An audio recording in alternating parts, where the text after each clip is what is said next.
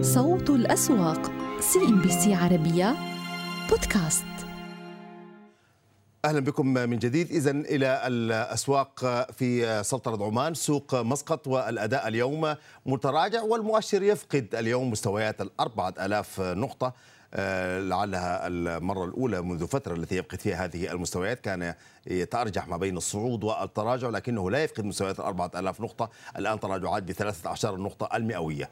قائمة الناشطين تكشف بجلاء عن آه، ربما هذا التراجع. بنك مسقط الذي يتصدر المشهد اليوم آه، يستأثر بسيولة لكنها سلبية هذه المرة وضغوط على هذا السهم.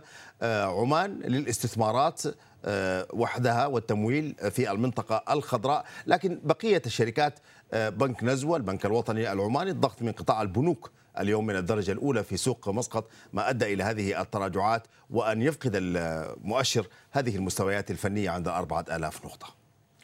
المؤشرات البحرينية أيضا التي شاهدناها آه، باللون الأخضر في آخر جلسة هي أيضا في ذات المستوى لكن ارتفاعات طفيفة بأقل من عشر نقطة المئوية والمؤشر على كل محافظ على مستويات ال 1600 نقطة بارتياح يقف فوق هذه المستويات لكن آه، آه، لم يحدث اختراق حقيقي في المؤشر البحريني. الأكثر نشاطا في سوق البحرين اليوم بتتبع هذه القائمة. دعونا نقف على إغلاقات سوق البحرين كما ذكرنا يعني آه، عشر النقطة المئوية.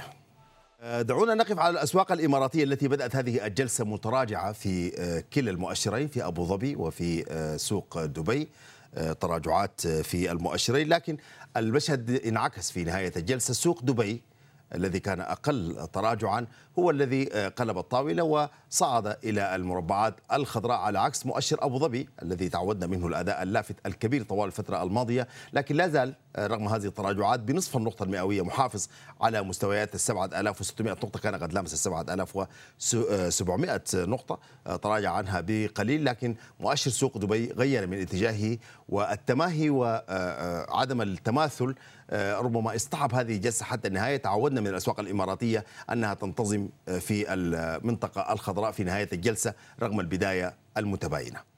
إلى ذلك وقعت مجموعة اتصالات مع صندوق أبو ظبي للتنمية اتفاقية استحواذ على حصة الصندوق في شركة اتصالات للاستثمار في شمال أفريقيا والبالغ 8.7% وبذلك ترتفع ملكية مجموعة اتصالات إلى 100% وسيؤدي هذا الاستحواذ إلى زيادة الملكية الفعلية لمجموعة اتصالات في اتصالات المغرب مجموعة Maroc Telecom من 48.4% إلى 53% وتبلغ القيمة المتوقعة للاستحواذ 505 مليون دولار قابلة للتغيير بناء على ظروف السوق السائدة قبل إتمام الصفقة.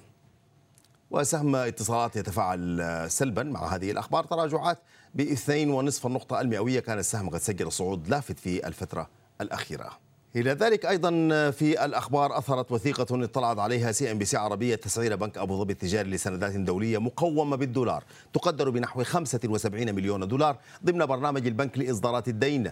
وسعر البنك سندات بقيمة 50 مليون دولار لأجل عام تستحق في الثامن عشر من أغسطس من العام المقبل بالإضافة إلى سندات قصيرة الأجل تستحق في ديسمبر المقبل وسهم أبو ظبي التجاري يتفاعل إيجابا مع هذه الأخبار والتسعير ب 21 النقطة المئوية. أنتقل مباشرة إلى ضيفنا السيد علي العدو وهو رئيس إدارة الأصول في ضمان للاستثمار. أهلا وسهلا بك سيد علي. قبل الدخول في التفاصيل دعنا نقف في بعض الأخبار التي لها علاقة ببعض الأسهم والشركات بنك أبو ظبي التجاري وهذا التسعير الدولي ودلالاته لك وللمشاهدين تسأل الاشهر ال bond issuance اللي عمله اليوم أبو ظبي ال Commercial Bank وصغير 375 مليون دولار آه، وهو zero coupon bonds بالنسبة لنا يعني حيساعد البنك لل funding بالمجمل مع إنه هذا ال issuance صغير آه، ما عليه تاثير كبير بال يعني آه، حجمه صغير وحيزيد ال liquidity اللي ممكن يعوزها البنك بالمستقبل القريب. جيد. بتتبع أخبار الشركات أيضا. نجد اتصالات الإماراتية على موعد مع ماروك للاتصالات أو Maroc Telecom في المغرب وزيادة في هذه الحصة. آه، انعكس ذلك ايجابا على السهم. أيضا آه، آه، أو انعكس سلبا للأسف على السهم. ما الذي يعنيه ذلك؟ وهل استنفذ السهم الارتفاعات بعد أن شهد ارتفاعات كبيرة في الأيام الماضية؟ هلا آه، الارتفاعات اللي شهدها السهم ما ما لها علاقة بالاستحواذ فخلينا نطلع فيهم كل نقطة على حال. الاستحواذ اليوم بالنسبة لنا آه، يعني اتصالات زادت حصتها بحوالي 5% بشركة Maroc Telecom آه، شركة Maroc Telecom is high dividend payer ف consistent فأكيد هذا حيساعد اتصالات بال بزيد شوي ال cash flows عندهم. حتى ال minority interest حتقل عندهم. حيرفع الأرباح نسبه الأرباح net profits تبعول الشركة بالإضافة إنه إذا بنطلع بالمجمل إنه يعني ال utilization balance sheet تبع اتصالات بالوضع الحالي آه، آه، يعني ماروك تيليكوم يعني زياده الحصة أو الاستثمار زياده الاستثمار بماروك تيليكوم عنده عائد حيكون عنده عائد value add للاتصالات وللمستثمرين. أما ارتفاع السهم في عدة عوامل كانت بتدفع السهم للارتفاع من فترة. والأهم عامل فيه واللي هو آه، نسبة إدخال السهم أو نسبة زيادة السهم حجمه بال MSCI وهذا اللي خلى آه، السهم يقفز أو احتمالية زيادة السهم بال MSCI هو هذا خلى خلى السهم يرتفع بشكل كبير مؤخرا. آه، دعنا اذا نعرج على أداء السوق بشكل عام. وكنا دائما في الجلسات الماضية نلحظ أن السوق يعني يبدأ بوتيرة متراجعة لكن سرعان ما يستعيد آه، مكانته في الوجهة الخضراء جلسة اليوم فيها بعض الاختلاف آه، بدأت المؤشرات باللون الأحمر لكن آه، سوق دبي استطاع أن ينتقل إلى المنطقة الخضراء وسوق أبو ظبي صاحب الأداء اللافت بقي متراجعا ما الذي يحكم الأداء؟ هلا إذا بنطلع بأداء آه، اسهم الإمارات آه، بالفترة يعني بالفترة اللي شفناها من فتره هلا وحتى إذا بنطلع بالمستقبل القريب اللي اللي عم عم بيكون عم بيأثر على بالمجمل على الأداء هو آه، أرباح الشركات. بالإضافة لنقطة مهمة نحن شفناها اليوم بلشنا نشوفها لنا يومين واللي هي عدد الإصابات اللي عم بقل بكوفيد بالإمارات. ونزلنا من تقريبا كنا معدل ب 1500 اصابه وصلنا بال 1100 بالإصابة تقريبا. وهيدا ممكن يعمل دفع إيجابي للسوق. حتى شفنا كيف اليوم سوق دبي تحرك بشكل إيجابي. آه، وهيدا لأنه نتيجة آه، آه، يعني يعني الاستراتيجي اللي عم تمشي فيها الحكومة من ناحية التطعيم عم تعطي نتيجة. وما ننسى أنه هدف الهدف الرئيسي آه، أو إذا نطلع بالحجم حجم التوريزم بالاقتصاد هو كبير. فوقت نشوف عدد الإصابات عم تنزل بالمجمل. آه، هيدا ممكن يفتح لنا مجال للمستقبل القريب وقت تفتح بلش السفر حركة السفر ترجع لطبيعتها. آه، إنه دولة الإمارات تقدر تستقطب السياح. وما ننسى كمان إنه جاي عنا هلا الإكسبو. آه، فهيدا آه، حيأثر. آه، فمشان هيك عم نشوف تأثير بلشنا نشوف تأثير إيجابي للأسواق المالية بهالفترة. نعم. دعنا أيضا نلقي نظرة ونطلع على القطاع العقاري الذي شهدنا فيه أداء يبدو أحيانا أداء ثابت لكن يتذبذب أيضا في بعض الأحيان. إلى أي مدى يعكس هذا الأداء سير القطاع العقاري بشكل عام وبوادر التعافي التي تنتظم بعض الشركات. هلا إذا لاحظنا آه، من أول آه، سنة عم نشوف آه، يعني ال real estate بالمجمل في تحسن. الأسعار عم ترتفع on average وحتى هيدا عم ينعكس على أداء الشركات. إذا شفنا حتى بالربع الثاني أداء الشركات العقارية الكبيرة مثل اعمار اعمار development وحتى الدار بأبو ظبي. شفنا أداء جيد لها وال backlog sales backlog اللي اللي أعلنت عنه آه، شركة إعمار بالتحديد آه، هو رقم رقم رقم أكبر من كثير من اللي شفناه من من ال quarters اللي قبل وحتى مقارنة مع السنة اللي قبل. وهيدا عم بيعطي مثل دفع للقطاع العقاري بالمجمل. وما ننسى كمان القطاع العقاري بالإمارات كثير مرتبط بالسياحة والسفر وال logistics كمان. ف ف هيدا بالمستقبل هيدا المفروض يرجع يشوف يشوف طلب أكثر على على العقار بالوضع الحالي. شكرا جزيلا لك سيد علي العدو وأنت رئيس إدارة الأصول في ضمان للاستثمار. إذا المؤشرات القطرية على أعتاب الأحد عشر ألف نقطة بعد آه، ربما سباق كبير آه، طويل في آه، هذه النقاط. رأينا المؤشر يعني يقبع في محطة العشرة ألاف وسبعمائة لفترة طويلة 750 حتى 850 حتى 950 لكن يبدو يعني الآن المحرك المؤشر يتحرك خاصة في ظل تقاعس للأفراد والمؤسسات القطرية عن الدخول في عمليات شراء صريحة بعكس المستثمرين الأجانب الذين بدأوا في الفترة الأخيرة آه، ربما تغيير اتجاهاتهم آه، نحو عمليات الشراء. اليوم الأكثر نشاطا هي الاستثمار القابضة آه، في السوق القطري، السلام أيضا باللون الأخضر لكن بقية الشركات كلها حمراء، قامكو، مزايد التطوير العقاري، بلدنا، الاستثمار القابضة كلها في اللون الأحمر هذه الشركات النشطة التي يمكن أن تحرك السوق وتدعم بالسيولة باعتبار أن الشركات النشطة هي التي تستأثر أو تفقد سيولة يعني حسب آه، المؤشر أحمر كان أو أخضر آه، هذا هو المشهد. لكن يبدو أن الدعم جاء من الشركات الرابحة. إذا كان بالإمكان مشاهدة الشركات الأكثر ربحية اليوم نجد الأهلي السلام الإسلامية الخليجي التأمين. لكن QNB هو الذي يصنع الفرق آه، باعتبار الثقل الكبير لهذا السهم آه، والوزن الكبير. وبالتالي أي دخول في المنطقة الخضراء هو دخول في آه، خط ال 18 في البورصة. وبالتالي شهدنا هذه الارتفاعات أو لا نستطيع أن نسميها اختراقات ولكن تقدم كبير إلى الأمام نحو مستويات فنية جديدة. إلى ذلك في الأخبار زادت قطر حيازتها من سندات الخزانة الأمريكية طويلة الأجل خلال يونيو الماضي بنسبة 20% على أساس شهري إلى نحو 8.5 المليار دولار. وتمثل السندات الأمريكية ما نسبته 33% من إجمالي استثمارات قطر من السندات وأذونات الخزينة الأجنبية البالغة قيمتها بنهاية الشهر الماضي 25 مليار و600 مليون دولار. وفي بيانات مصرف قطر المركزي ووفقها. ومعي من الدوحة الأستاذ أحمد عاقل الكاتب الاقتصادي. أهلا وسهلا بك سيد أحمد. آه، معنا ويعني دعنا نلقي نظرة على جلسة اليوم التي تبدو مختلفة بعض الشيء يعني بنكهة العبور نحو مستويات جديدة. المؤشر غاب قوسين أو أدنى من الأحد عشر ألف نقطة. آه، تتابع وترى أن هذا الزحف كان بطيء حثيث حتى وصل المؤشر إلى هذه المستويات. ما الذي تغير؟ هل هو الدخول الأجنبي الكثيف غير في المشهد؟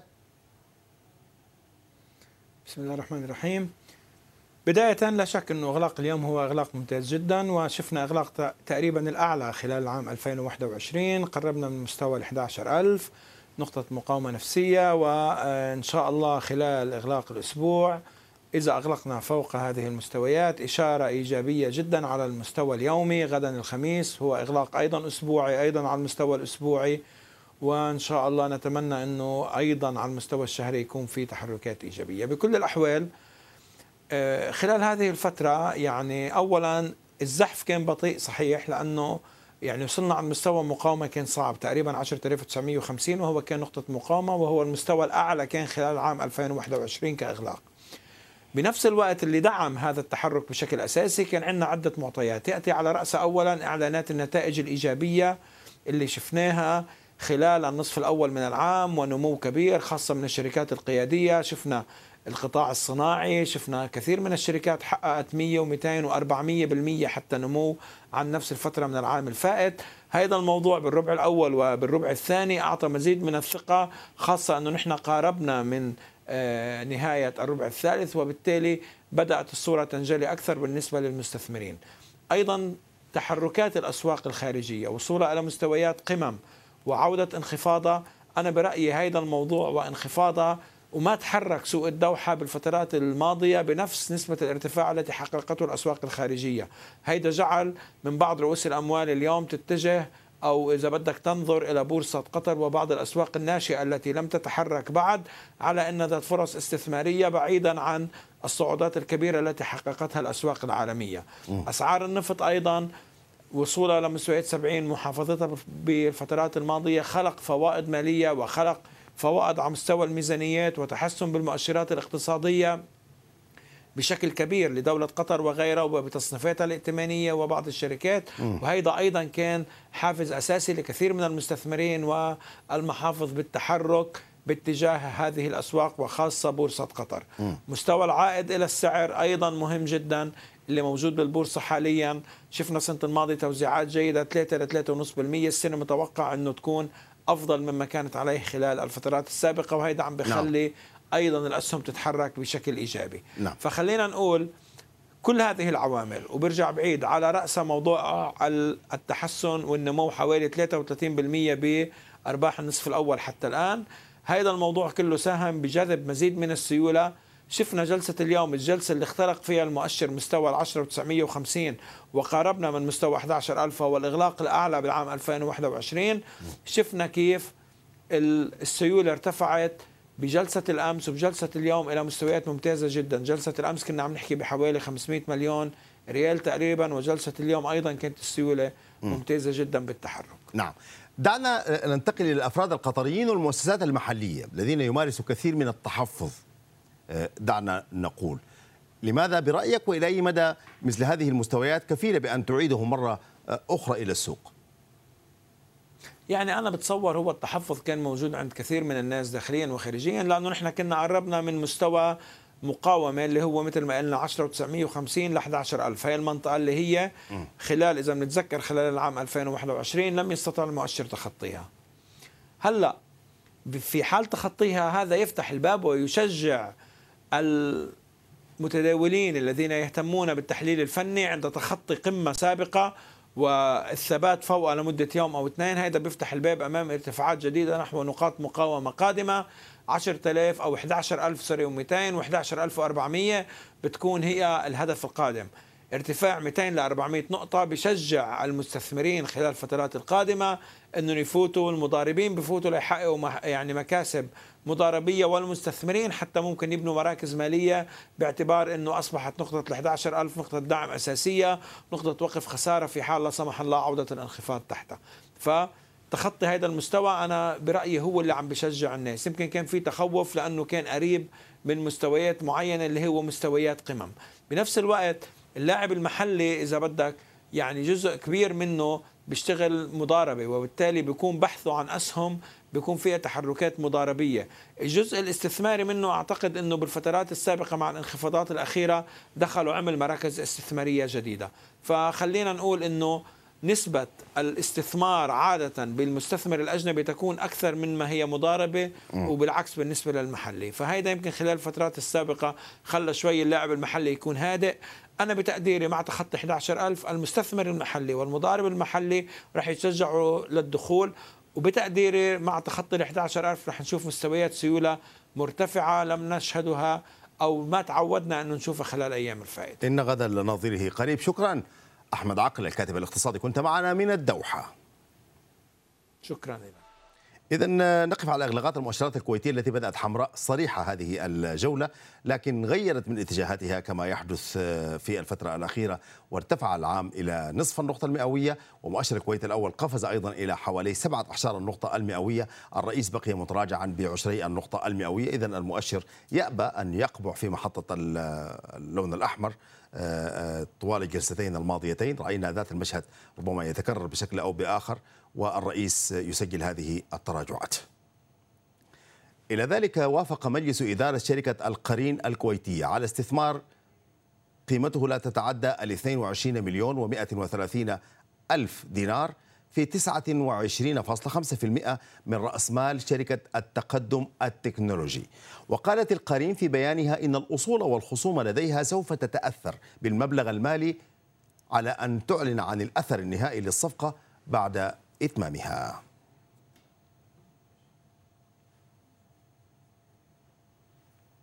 وسهم القرين يتفاعل إيجابا مع هذه الأخبار. ارتفاعات بواحد وستة أحشار النقطة المئوية. صوت الأسواق CNBC عربية بودكاست.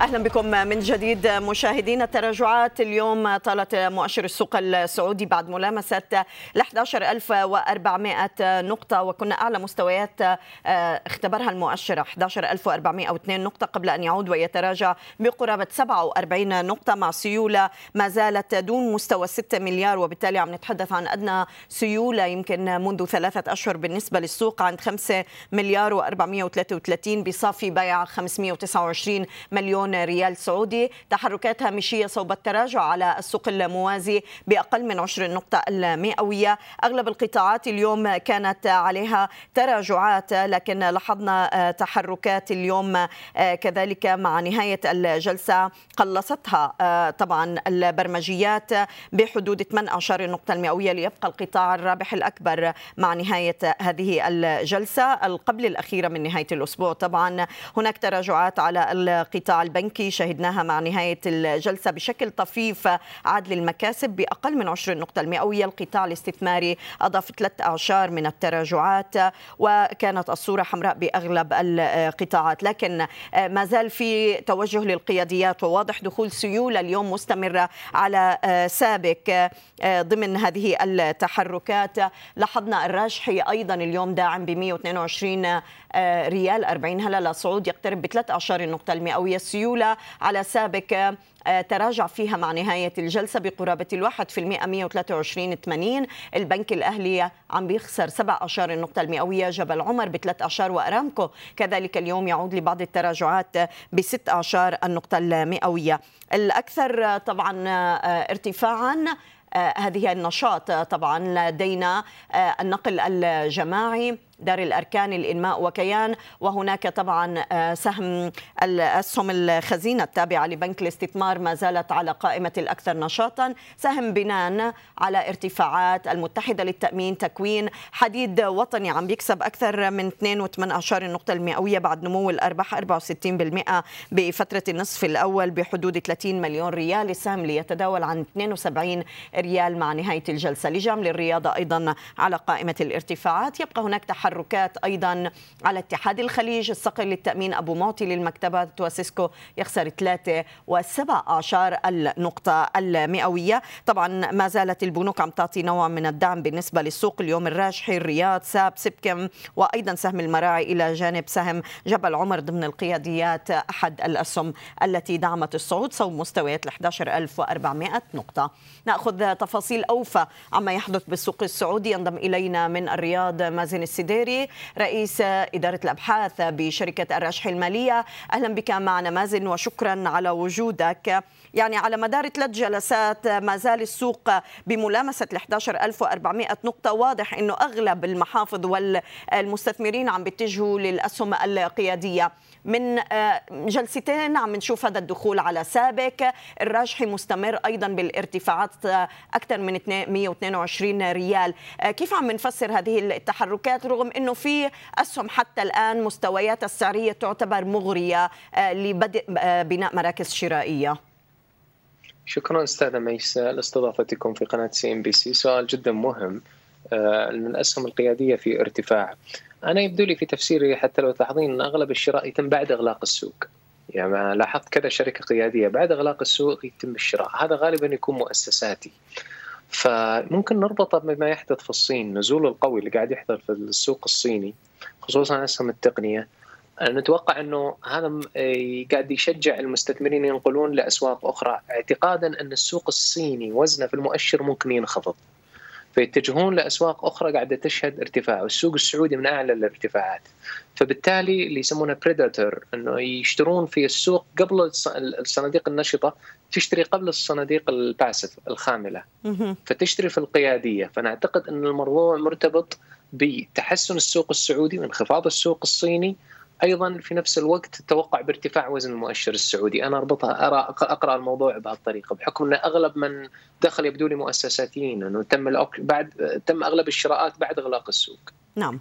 طيب آه، لكن السيولة يعني مازن أيضا ما زالت عم بتتراجع يعني رغم ملامسة آه، التمركز بهي الأسهم القيادية وأيضا على مستوى ال 11400 السيولة ليست بذاك الزخم اللي ممكن إنه نقول قادر على دعم السوق للفترة المقبلة. ليه عم نشهد هذا التراجع أيضا بأحجام السيولة؟ السيولة أغلبها أستاذة ميسة يعني بصراحة آه، من الأفراد يعني تخزين الأفراد إلى ما هم حد المليون هذول 88% متوسط التداول. التملك حقهم غير كبير الحقيقة. يعني قاعدة السوق وتقييمه قائمة على المؤسساتين ارتفع عمق السوق. يعني لو لو نأخذ دخول الصناديق الأجنبية بس لو نستثني أرامكو من الماركت كاب هي تمتلك 14% والنسبة في تزايد. فالحقيقة انخفاض السيولة شيء ما أقول لك إنه إنه إنه إنه غير مقلق لكنه أيضا من الجهه الثانية غير مؤشر على نزول قاعدة السوق يعني مستوى الأرباح كان في الربع الثاني كان جدا الحقيقة في تحسن من سنة لسنة. أيضا لا يوجد مؤشرات ريسك كبيرة. يعني نشاط أغلب ما ذكرك قبل قليل أن المؤسساتين اشتروا في الاسهم القيادية في الشركات القيادية. فهذا مؤشر خصوصا المؤشر المستثمر هو اللي قائم على قاعدة المخاطر العائد المخاطر. ما هو مستثمر قصير أمد ولا مرتبط بفترة محدودة. فهذا المطمئن أن المؤسساتيين ما نشاهد ما نشهد نزول في تداولهم اليومي. هذا شيء مريح. نعم. ولا نجد مخاطر ماكرو يعني كبيرة. تمام. آه، طيب يعني بما إنه عم نتحدث أيضا عن الصين أكيد اليوم آه، يعني أسعار النفط عامل أساسي آه، عم تأتي من تحركات الصين بعض البيانات التي كنا شاهدناها سواء للتصنيع أو حتى بيانات التجزئة. مازن اليوم أسعار النفط إلى أي مدى عم تبقى عامل أساسي يتم تتبعه لبناء المراكز الشرائية؟ وخصوصا إحنا شايفين برنت وأيضا نايمكس دون مستويات ال 70 دولار اليوم. طيب جميل. لا شك إنه ممكن يجي ضغط على أسعار البترول بسبب الصين ولكن لا أعتقد إنه يكون طويل الأمد. أحداث الدلتا ليست مثل أحداث الكورونا في بدايتها. اولا الكورونا لم يكن واضح العالم مدى خطورتها ما كان في خبرة للتعامل مع العالم معها. تأخر الموضوع إلى شهر مارس وظهرت أرقام فبراير الصينية في شهر مارس اللي فاجأت العالم. لم يكن في لقاحات. لا نعلم أيضا مدى قوة اللقاح الصيني في وجه الدلتا لكن حسب ما نقرأ عن أسترازينيكا وفايزر قدرة اللقاح تصل إلى 80% متوسط المقاومة. هذا رقم جدا مريح. حتى نجد الأرقام في بريطانيا كأعلى بلد في نسبة تلقيح آه، تطعيم vaccination وصلت 57% آه، هي أعلى بلد في العالم بريطانيا. نسبة المصابين يعني بالدلتا لا لا تسير مع نفس الذين يحتاجون الذهاب للمستشفى. يعني اللي يصابون لا يتأثرون بشكل كبير كما كان يحدث من أول. كان دائما curve المصابين يتقاطع مع curve يسير مع نفس curve الذين يحتاجون الذهاب للمستشفى. هذا لا نجده الآن. لو اشتدت الأمور في الصين ممكن نجد أن الصين عندها قدرة عالية على إنها تعمل lockdown أو إنها تضيق الحركة وتسيطر على حركة المرض، عندها هذه القدرة. في العالم الخارجي عنده مستوى لقاحات جيد آه، قادر إنه يعطي مقاومة. وفي الصين ممكن يصير في lockdown زيادة التشديد في الحركة. مو lockdown يعني جزئي أنا اتكلم عن شيء يقدر فممكن يصير في ضغط شهر شهرين لكن ما نتوقع يجي تعود أحداث عام 20 هل هذا يأثر على الأسعار؟ ممكن يأثر لكن بدرجة محدودة والفترة محدودة. أه، لكن كيف راح يكون تأثير قطاع البتروكيماويات يعني مع كل هذه الأحداث؟ وإن كانت يعني عم تقول إنه أه، دلتا عم تقلق العالم اليوم مازن وإن كان في نسبة لقاحات كبيرة يعني إذا ما تطلعنا لأسعار السلع اللي هي أيضا عم تتفاعل معها. ما هي نظرتكم لقطاع البتروكيماويات وقدرة الشركات على عملية بيع منتجاتها بعد فترة الربع الثالث؟ إحنا ذكرنا قبل فترة يعني إنه مستوى الأسعار لارباح الربع الثاني يمكن ما تتكرر، لكن مستوى أرباح الربع الثالث ممكن تكون مستوى أفضل من 2019 وأفضل من 2000 2019 نعم. بحكم الضغط اللي صار بسبب الحرب التجارية، نزول المخازن، أشياء كثيرة تأثرت أسعار البتروكيماويات، أنصاف الموصلات semiconductors كلها بسبب الحرب التجارية. فصار كمة شراء كبيرة. طبعا إذا الصين تعبت راح يأثر عليها لكن لو نشيل أثر الدلتا مستوى الأرباح نعم ينزل لكن يظل أفضل من 19 لو صار شيء أثر على الدلتا متوسط المتابعين يتوقعون أنه بيكون فترة مؤقتة وتعود الأمور للسيطرة. نعم. طيب خلينا نتجه لقطاع يعني آخر ليس شيء مخيف يعني دائم. ليس شيء مخيف جدا مقلق. نعم, نعم. آه، قطاع آخر يمكن عم نتبعه خلال هذه المرحلة مازن. مع عودة آه، نشاط المشاريع اللي عم نشهدها بالمملكة العربية السعودية. آه، قطاع الإسمنتات يعني هو من أهم القطاعات اللي دائما بيركز عليها المستثمر خصوصا بالتوزيعات. وقطاع نعم. مواد البناء. يعني أنتم أعطيتوا نظرة متضاربة حول القطاعين رغم ارتباطهم مع بعض. ما هي أسباب هذه النظرة؟ سؤال مهم استاذه ميساء اللي هي الاسمنت نزلنا تقييمات الاسمنت ورفعناها لشركات البناء مثل بوان. ونزلناها لأغلب شركات الاسمنت. طبعا انت شفتي أرقام شهر جولاي في نزول في المبيعات. وتواصلنا مع الشركات وفهمنا إن في مشكلة في مشكلتين. مشكلة نزول في آه، عدد العمالة عدد العمالة الموجود البناء والتشييد في في انخفاض. فرفع تكلفة العمالة نسبيا. الشيء الثاني ظهور تصريحات البناء. سلوك جديد فياخذ شيء من الوقت عند المستهلكين. فهذا نعتقد أنه مبدئيا نرى أنه مؤقت وتوضح الأمور أكثر في شهر سبتمبر. شيء ثالث أيضا ال inflation. يعني تعرفين تكلفة شركات الإسمنت ارتفعت ال input cost بسبب التضخم ارتفاع تكلفة الورق. هذا كله مو موجود في البناء. نعم. البناء اولا أغلب الشركات الكبرى تتعامل مع business to business ما هو مع ال final consumer فوضعية العمالة نسبيا أفضل. الشيء الثاني هي hedged ال inflation لأنه transfer هم سعر المدخلات ال cost لل final consumer وياخذون هم للعميل لديهم وياخذون هم هامش الربح. فهم أيضا hedge ال inflation مشكلة العمالة غير موجودة. ثالثا استاذة ميسه في lag أصلا بين الاسمنت وبين الحديد. يعني الاسمنت مثلا إذا تأثر في في شهر واحد الحديد يتأثر بعد يمكن بتسع شهور لأنه في مرحلة أخرى متقدمة في البناء. نعم. يبدأ البناء بالاسمنت ولكن الحديد يدخل في مرحلة أخرى. وسطية. فبالتالي ال lag ياخذ وقت بينهم. لذلك إحنا حتى الآن ما نتوقع إن الأمور خ... إن ال market slow down إحنا نتوقع إنه في أثر طارئ أثر على صناعة الاسمنت ونتأكد في شهر سبتمبر أكتوبر كيف تتحسن الأمور. فمن هنا إلى هنا إلى ذاك لا نتوقع إن شركات البناء راح راح تتأثر فيها مثل بوان و... ومثيلاتها. نعم. نشكرك مازن السديري رئيس إدارة الأبحاث بشركة الراجحي المالية. كنت معنا من الرياض. شكرا جزيلا لك. يا هلا يا هلا. إلى ذلك أظهر مسح خاص ل CNBC عربية نمو الأرباح المجمعة لقطاع الاتصالات السعودي بفترة الربع الثاني 2021 بنحو 4.7% لتصل إلى 3 مليار و100 مليون ريال سعودي. صوت الأسواق CNBC عربية بودكاست. أهلا بكم من جديد للجلسة الثانية على التوالي. تراجعت الأسهم القيادية ومؤشر ال thirty اليوم في محاولة للتمسك بمستويات ال 10900 نقطة. خسرنا ثلاث أعشار النقطة المئوية وما زال البنك التجاري الدولي بتراجعاته يضغط على المؤشر. متراجع بقرابة نصف النقطة المئوية. تماسكت الأسهم المضاربية اليوم عند 2932 نقطة. وكنا طبعا شهدنا قمم جديدة كان عم بحققها ال 70 بجلسة يوم أمس استمر فيها بالصعود. ال 100 عم بيضيف عشري النقطة المئوية. المبيعات المحلية كانت ضاغطة اليوم على أغلب الأسهم وشهدنا القطاع العقاري عم يتراجع. طلعت مصطفى عم يخسر قرابة الاثنين في المئة ضمن الأسهم القيادية المصرية للاتصالات دون مستويات ال 15 إعمار مصر أيضا عم بيتراجع بواحد وربع النقطة المئوية. عامر جروب عن 99 قرش والنساجون الشرقيون بنصف النقطة المئوية. سودك اليوم ضمن الأسهم المتراجعة والضاغطة على السوق بتراجع يقترب بواحد وثلاث أعشار النقطة المئوية. طلعت مصطفى عم بتداول دون السبعة عن 6.97 والشرقية للدخان عم بيتراجع فيها السهم بقرابة الثلاثة في المئة مع قرب إطلاق طبعا آه، منتج السجائر الإلكترونية آه، مع نهاية هذا العام أو بداية 2022 هرمز مع النتائج التي أعلنتها الشركة اليوم. بقي هناك ضغوطات على السهم. قاربت 16 النقطة المئوية. آه، هرمز اليوم إذا عند 11.52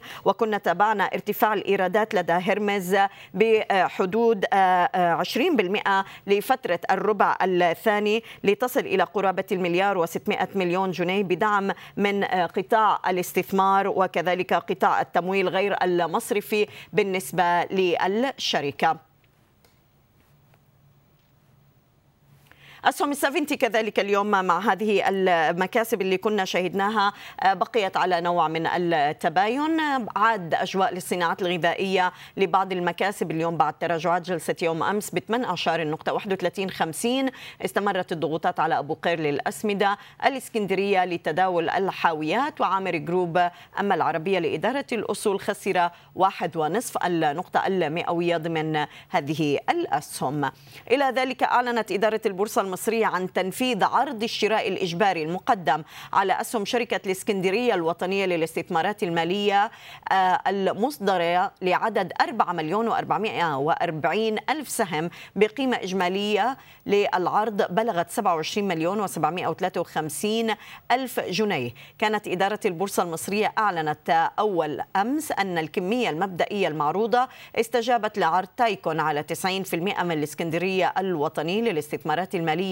بعدد أسهم بلغ 4 مليون و440 ألف سهم بسعر نقدي 6 جنيه 25 قرش للسهم الواحد.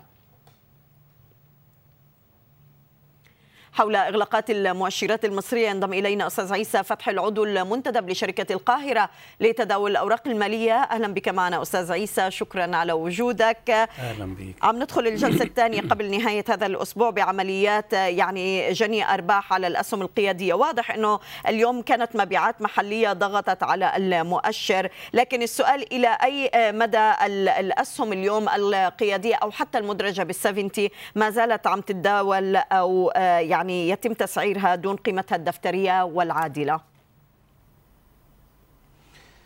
يعني النهارده هنجد إن سهم فوري أعتقد هو كان له الأثر الأكبر على EGX 30 الصفقة التي نفذت كبلوك تريد في بداية الجلسة على 73 مليون سهم بقيمة تجاوزت المليار وال200 مليون جنيه بسعر 17 جنيه للسهم إدت إشارة سلبية لسعر السهم في السوق اللي كان في بداية الجلسة ب 18 جنيه آه فضل ينزلق منها إلى أن آه آه هبط تحت ال 17 ونص فده كان ده كان له تأثير سلبي على السهم. يمكن ال CIB كان أحسن حالا سوى بس العمليات اللي في نهاية الجلسة هي اللي كانت أو ال last trade اللي بتسجل عندكم هو اللي كان صغير. لكن هو على مدار الجلسة كان بينافس ب 46 جنيه في أوقات كتيرة في في الجلسة.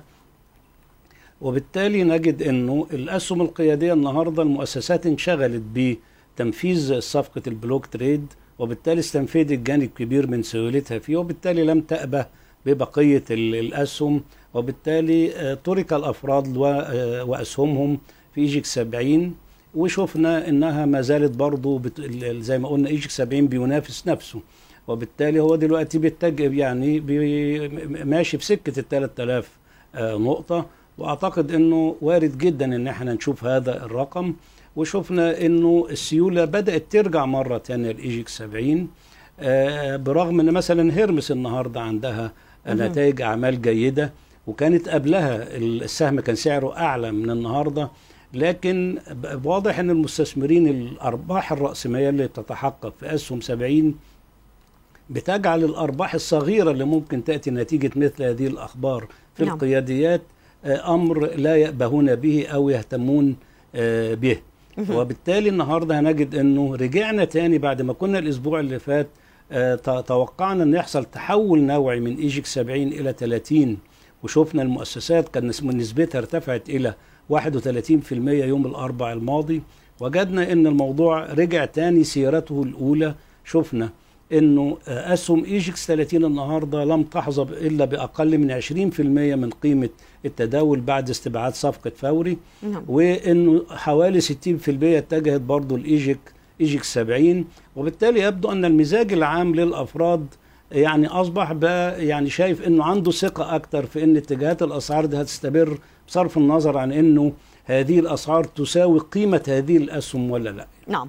يعني واضح أيضا من نتائج هيرميس إنه قطاع التمويل غير المصرفي هو الداعم الأساسي أستاذ عيسى.